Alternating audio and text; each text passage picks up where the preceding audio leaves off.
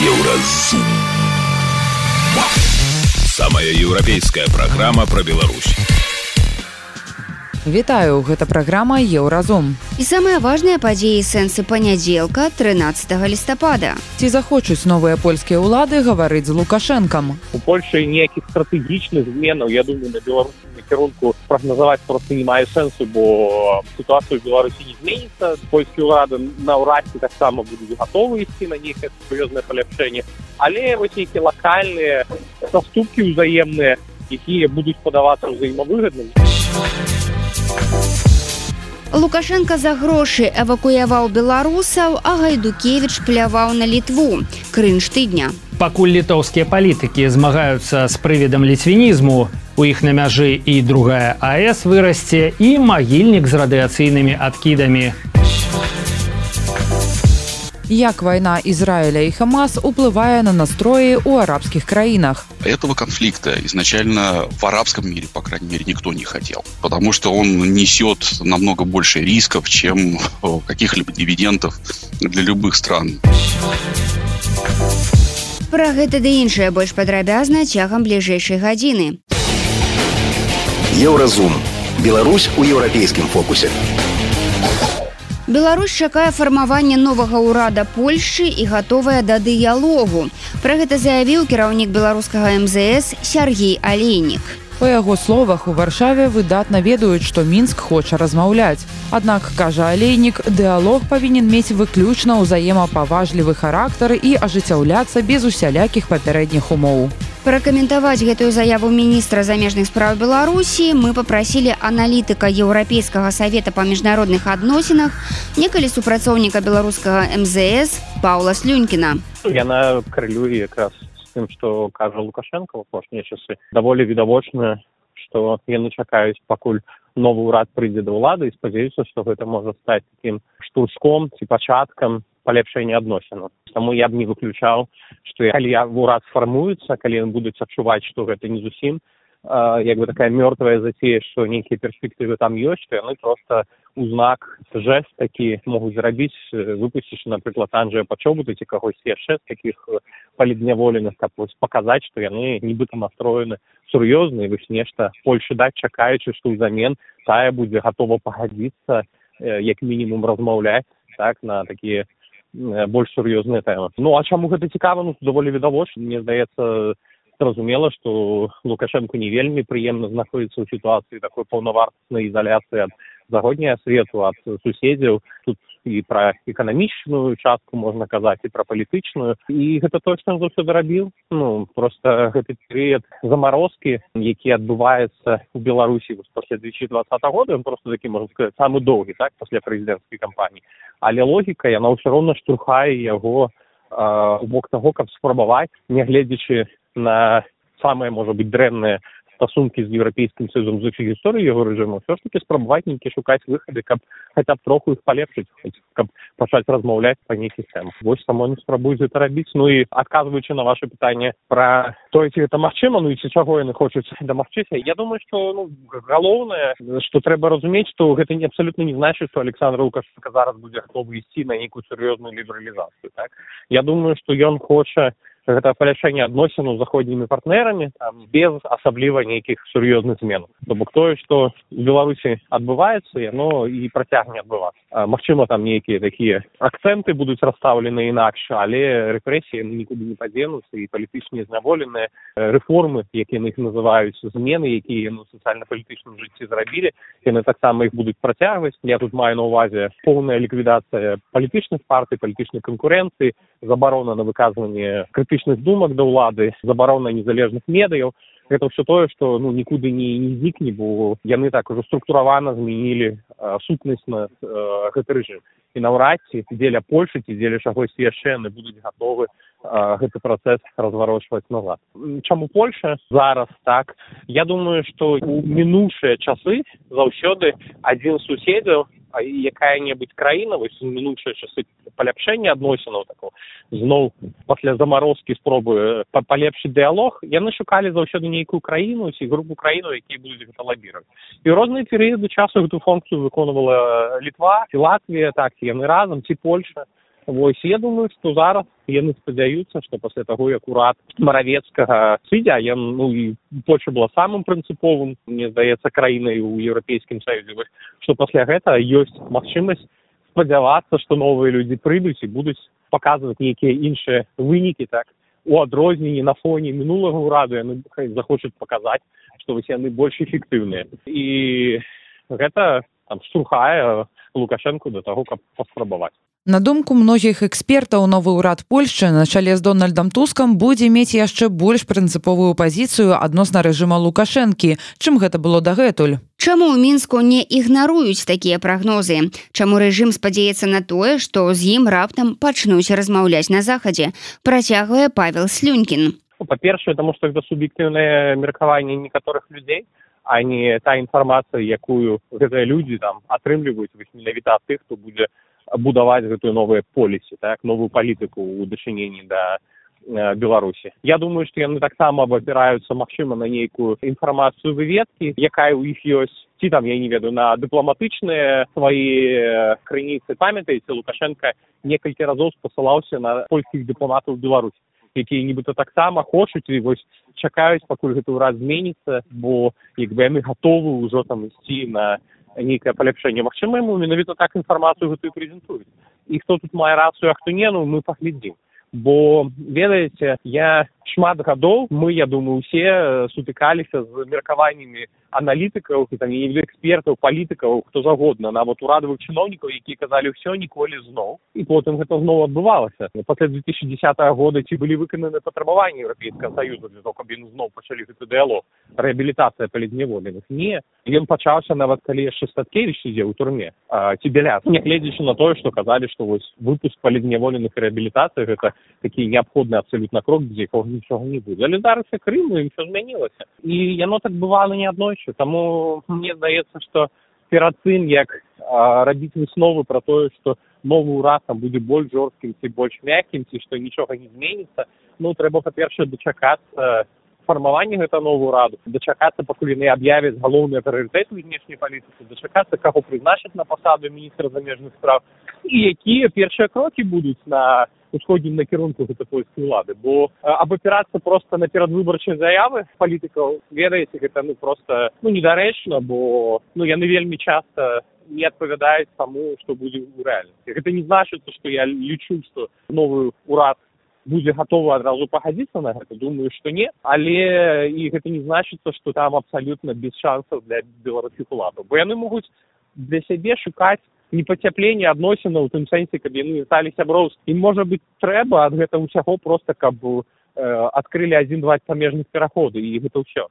Ну то бок мы нават не можам ведаць якую ну такую мінімальную мэту перад сабой ставіць рыжы і магчыма яна абсолютно рэалістычная якую можна дасягнуць а вось якія могуць быць інтарэсы у польскай дзяржавы у новага польскага ўрада апроч таго каб напрыклад выпусцілі таго ж пачобыта інтарэсы... вельмі добрае пытанне насамрэч бо мы ведаем чаму александру лукашенко гэта трэба а чаму новым уладам гэта трэба ну тут все так скажем да, даволі невідавочна. Я думаю что першае пытанне гэта спыненне міграцыйных атакаў на межы бо гэта пытанне якое раздзяляла так ці інакш урад піса так і пазіцыю як мінімум якую там у двадцать першым годзе і потым займалі палітыкі вакол вакол туска і апазіцыйныя да да піса партыі а вось то бок там не тое каб сказаць што яны былі супрацьлеглымі абсалютна але я думаю што гэта якраз тая рэч якая так ці інакш падыходы польскіх уладаў да штурмаў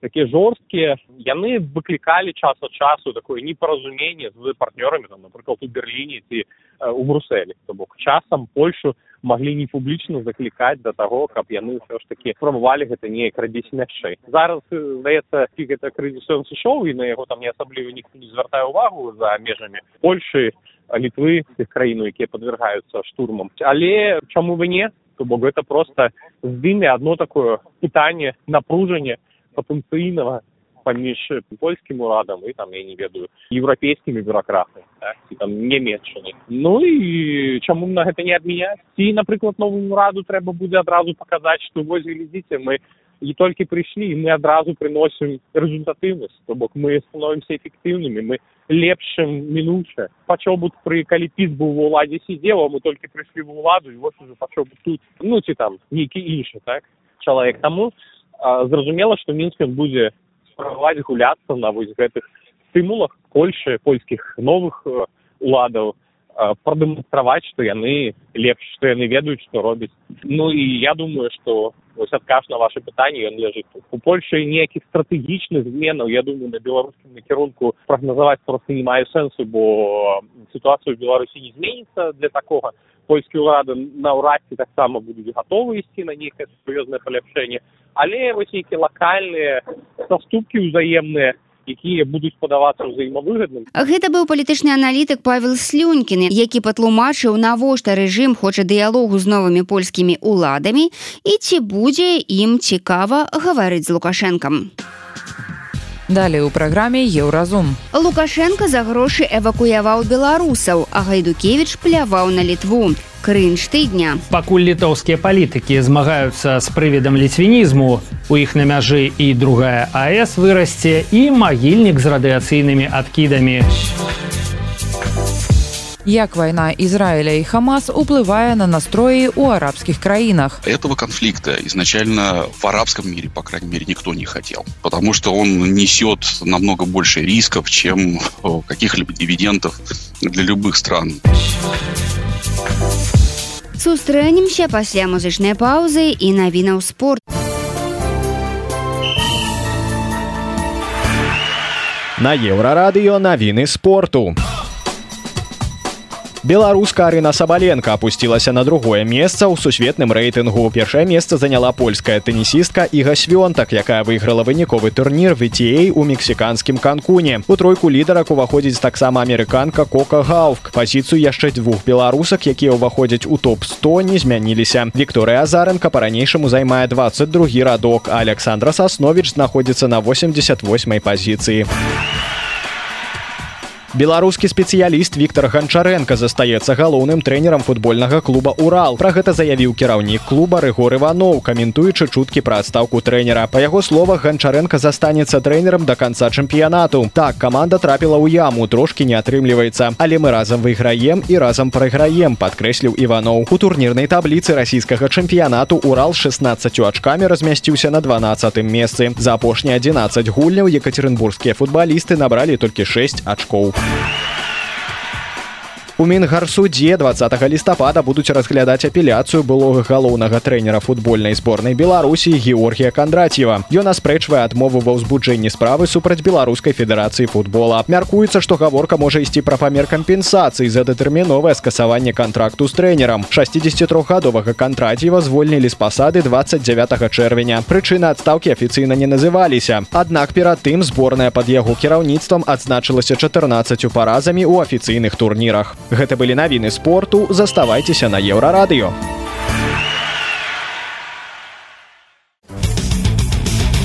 Еўразум жыві ў рытме Еўропы. У апошнія дні беларуская прапаганда не драмала, а працягвала ўводзіць беларусаў у зман. Напрыклад, праўладны філосаф і гісторык Вадзім Гігін прызнаўся, што гэта дзякуючы яго намаганням са школьнай праграмы зніклі каласы пацярпом тваім, бо нібыта падзеі ў мастацкім творы караткевіча не адпавядаюць гістарычным фактам. А беларускі МЗС вывез беларусаў з Ізраіля. Праўда, у адрозненні ад варожых Польшы і Украіны за 550 долараў з чалавека. Такі вось гуманітарны рэйс па лукашэнкаўскі.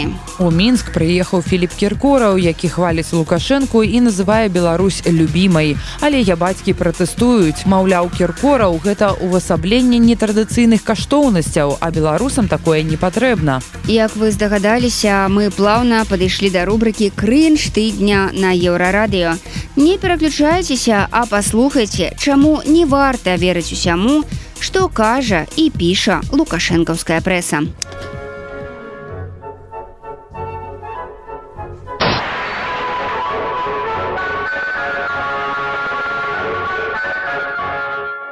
прывітаннечка гэта крынж тыдня. Праграма на еўрарадыё дзе мы смяемся над нахабнай махровай прапагандай. Асноўная ўвага беларусі але не забываемся і пра расійскіх прапагандыстаў. Зараз самі ўсё пабачыце сёмага лістапада Беларусь адзіная ў свеце святкавала дзень кастрычніцкай рэвалюцыі ну хаця як Беларусь? Давайте паспрабуем зразумець вайбы тых нешматлікіх людзей для якіх гэтая крывавая дата ўсё яшчэ свята. Посмотрите, посмотрите, как Беларусь, единственная страна в мире, отмечает День Октябрьской революции, которая изменила весь мир.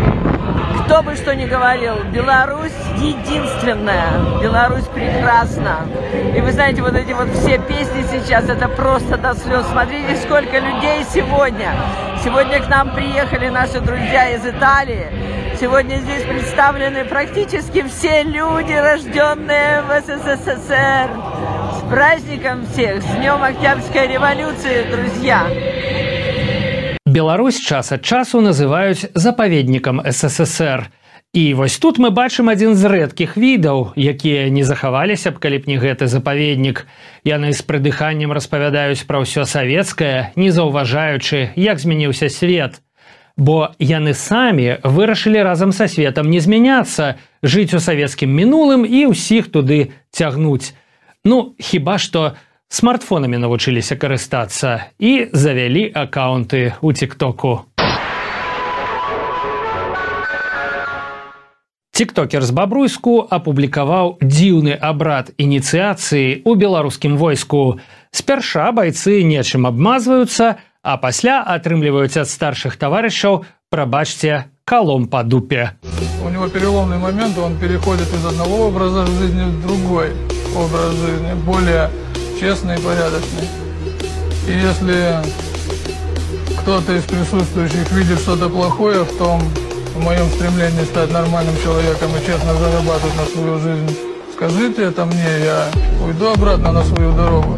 Но при этом нет никаких гарантий, что никто из вас мне на этой дороге не попадется. Лёгкі гуглінг падказвае, што гэта абрад прысвячэння ў артылерысты. Маладыя салдаты пасля першых стрэльбаў нюхаюць пораху, а атрымаўшы па дупе мусіць падскочыць і крыкнуць: «Мама, я артылерыст. Вось такія парадкі ў беларускім войску.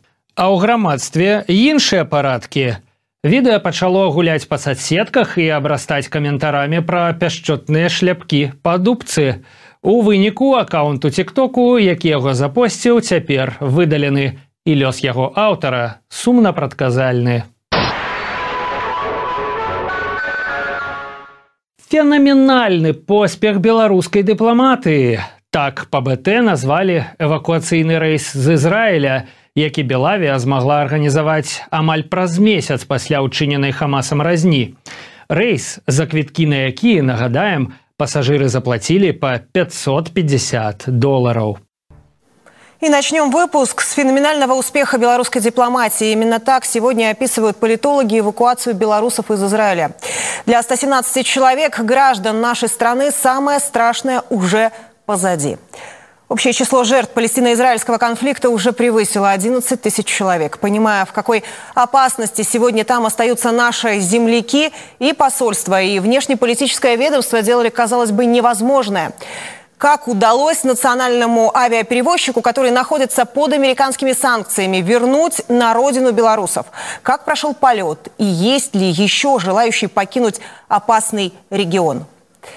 На связь со студией из национального аэропорта Минск выходит Анастасия Бенедисюк. Настя, вам слово. Давать слово Насте мы тут не будем.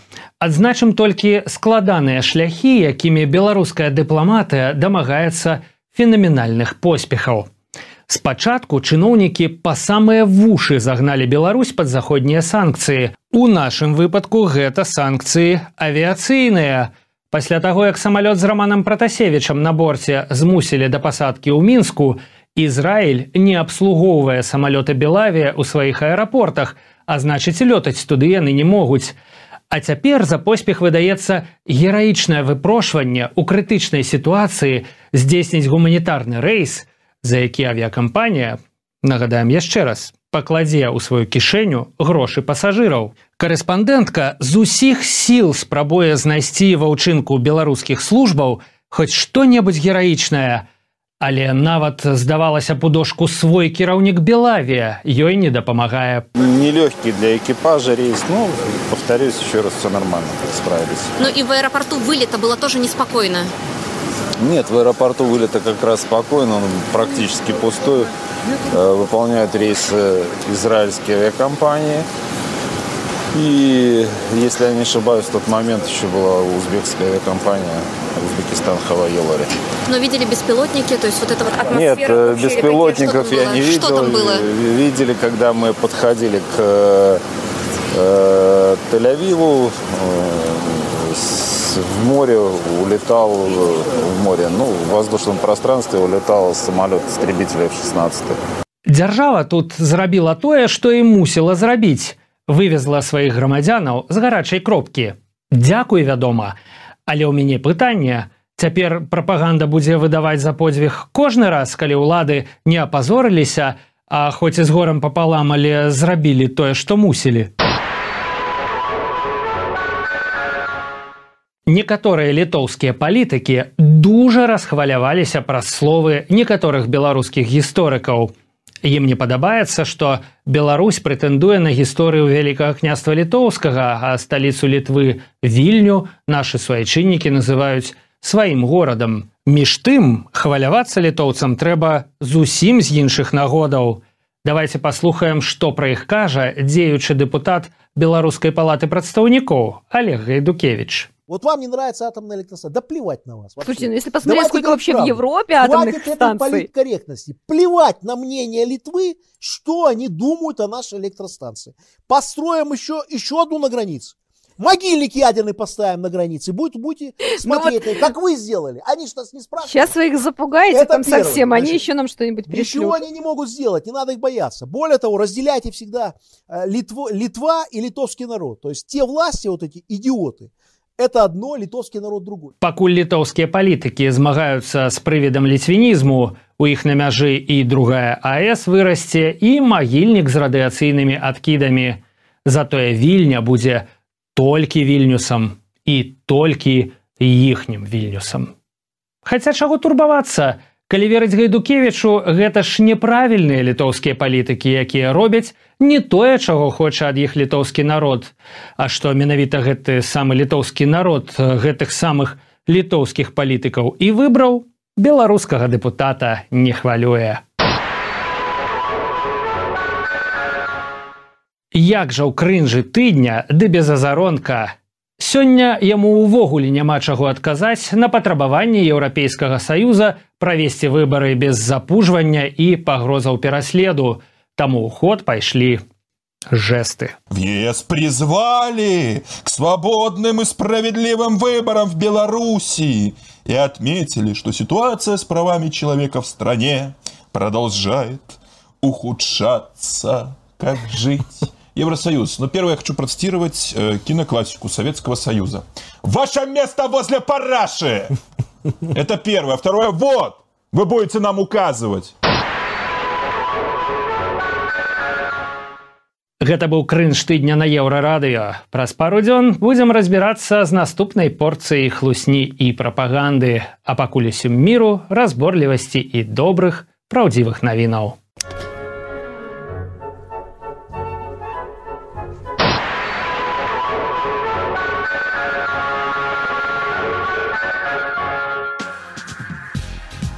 Далей у праграме Еўразум.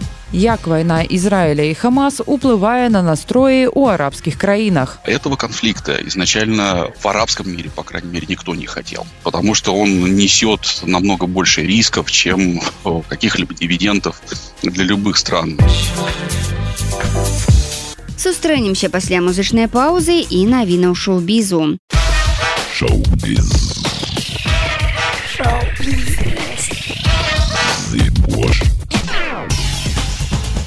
Навіны шоу-бізу на еўрарадыё. Кінастужка беларускага рэжысёра антона жука ўсё ў парадку ўзяла ўзнагароду ў конкурсе кароткаметражных фільмаў котбускага міжнароднага кінафестывалю ў германії у конкурсе кароткаметражных фільмаў прымалі ўдзел 12 карцін. Але журы ў складзе казахскай прадюсаркі з берліна францыскі гартнер паздамскага акцёра томаса дрэкселя аддалі перамогу трылеру жука. Журы так абгрунтавала свой выбар. Гэты фільм добра прадуманы ва ўсіх адносінах. Ён паказвае толькі невялікі момант жыцця але з такой колькасцю слаёў якія адкрываюць поле бою чалавечай душы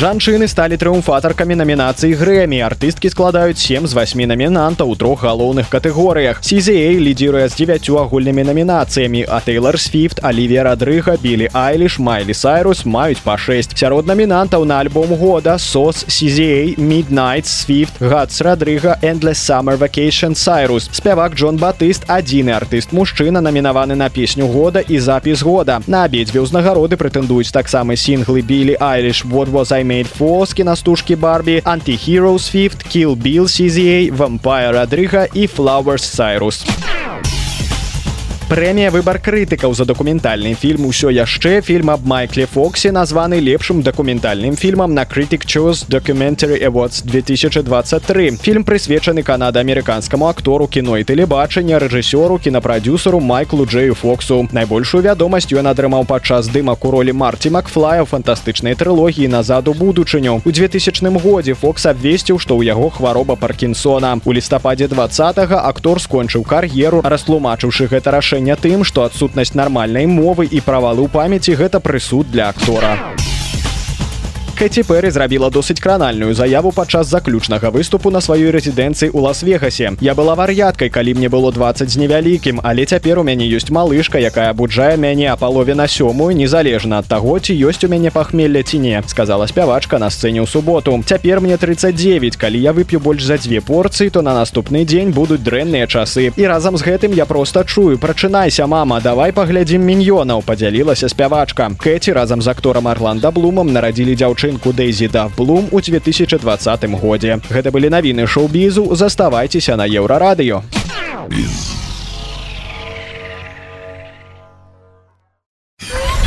Еўрарадыё кропка FM. На выходных у сталіцы саудаўскай аравіі прайшла сустрэча лігі арабскіх дзяржаў і арганізацыі ісламскага супрацоўніцтва. На ёй абмяркоўвалася сітуацыя ў сектары газа.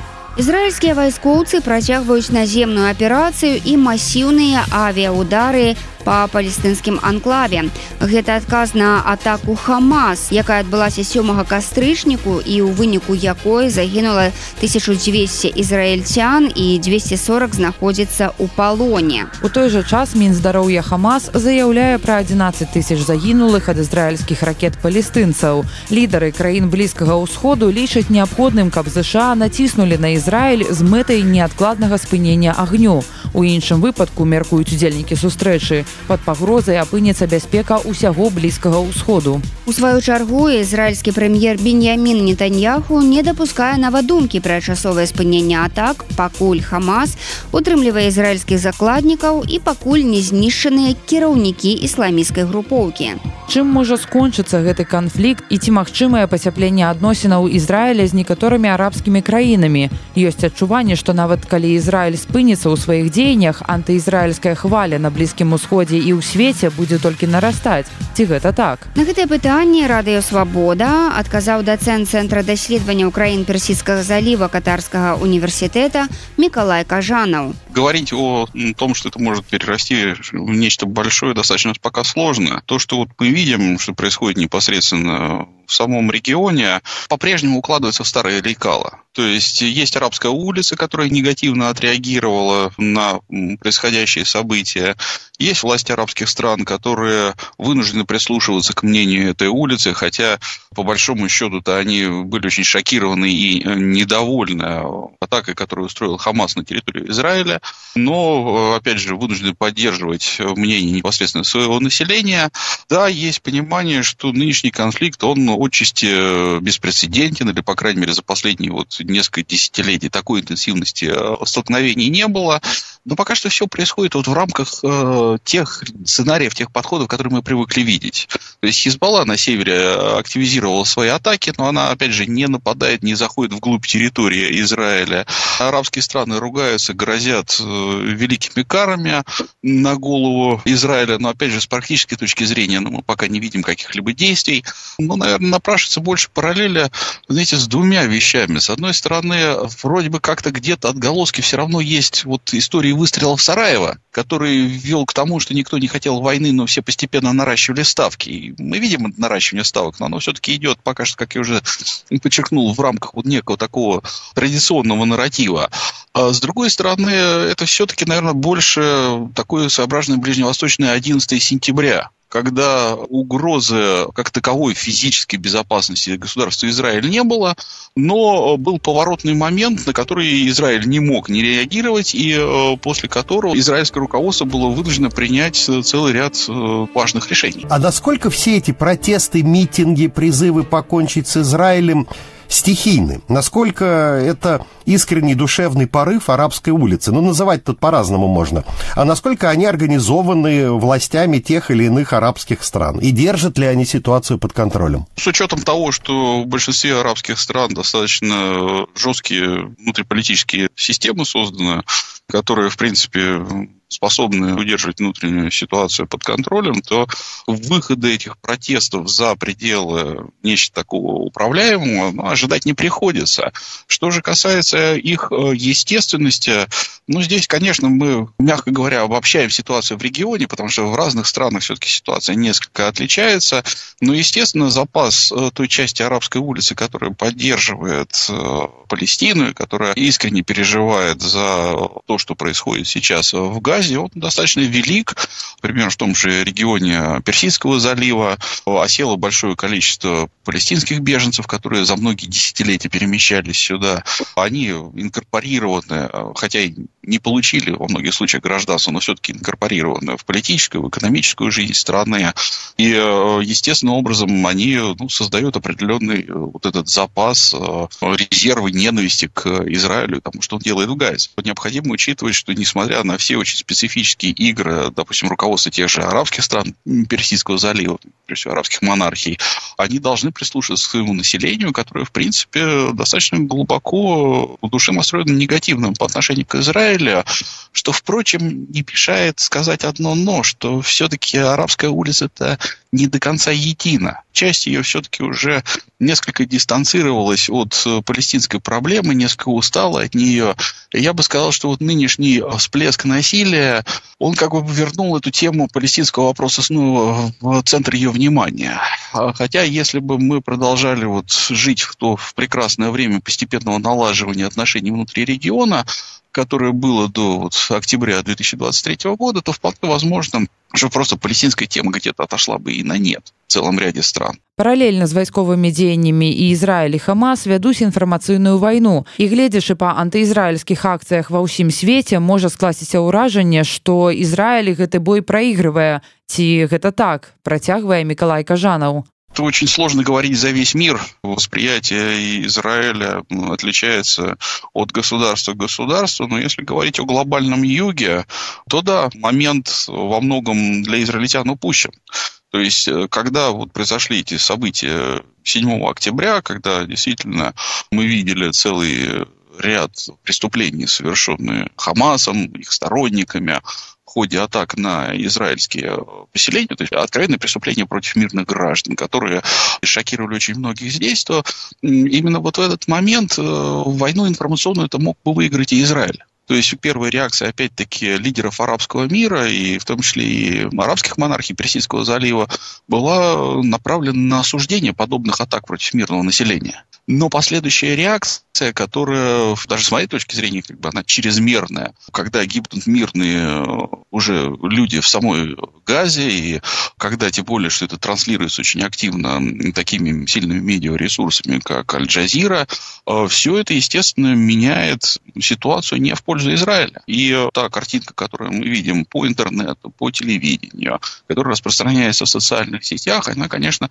ну, выставляет израильтян не лучшим образом, и количество людей, которые сочувствуют им на глобальном юге или которые могут решиться на выражение какого-то сочувствия или оправдания, оно стремительно сокращается. Вот очень интересно, а насколько вообще велика роль ведущих арабских СМИ сейчас, вроде каналов Аль-Джазира или Аль-Рабия в освещении израильско-палестинского конфликта. Они действуют агрессивно, они подогревают эмоции. Ученые, академики, они склонны преувеличивать роль неких феноменов. И опять же, нужно отметить, что всегда вокруг Аль-Джазиры присутствовал такой красивый миф о ее всемогуществе. Да, это действительно влиятельное информационное агентство, и более того, информационное агентство, которое активно читают воспринимают на этом глобальном юге. Намного больше и активнее воспринимают, чем там, западные информационные агентства, чем России сегодня, которая, кстати, тоже на Ближнем Востоке-то достаточно присутствует.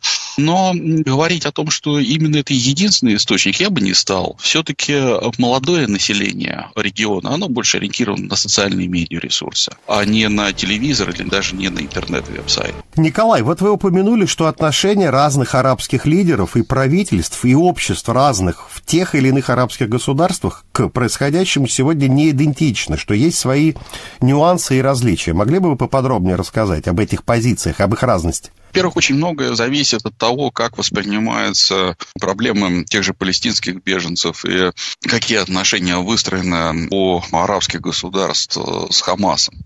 То есть, например, если мы берем тот же Египет, то египетское руководство, которое воспринимает совершенно справедливо Хамас как ветвь ответвления братьев-мусульман, с которыми у них имеются ну, достаточно очень сложные и непростые отношения, то, естественно, вот это обострение, которое произошло по вине Хамаса, на ура воспринято это было. Более того, существует серьезное опасение, что вот эта волна беженцев она может негативно сказаться на экономической ситуации, она может э, усилить, опять-таки, присутствие тех же братьев-мусульман внутри Египта, и ничего хорошего от конфликта не ждут.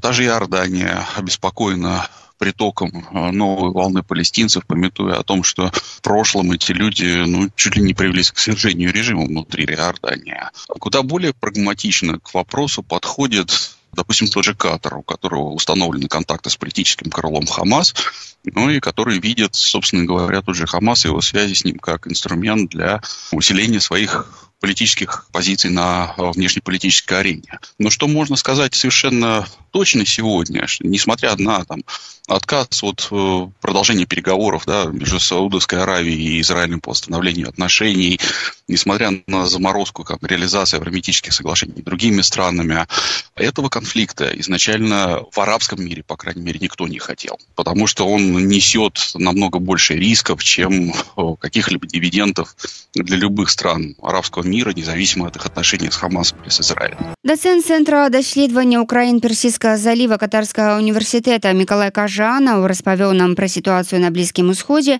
у сувязі з абвастрэннем палестына-ізраільскага канфлікту. Еўрарадыё. Твая улюбёная хваля. Гэта была праграма Еўразум, штодзённы інфармацыйны падкаст еўрарадыё. Кожны дзень мы распавядаем пра галоўныя навіны Беларусі і свету. А сённяшні выпуск скончаны. Беражыце сябе. Пачуемся. Еўразум. Самая еўрапейская праграма пра Беларусь.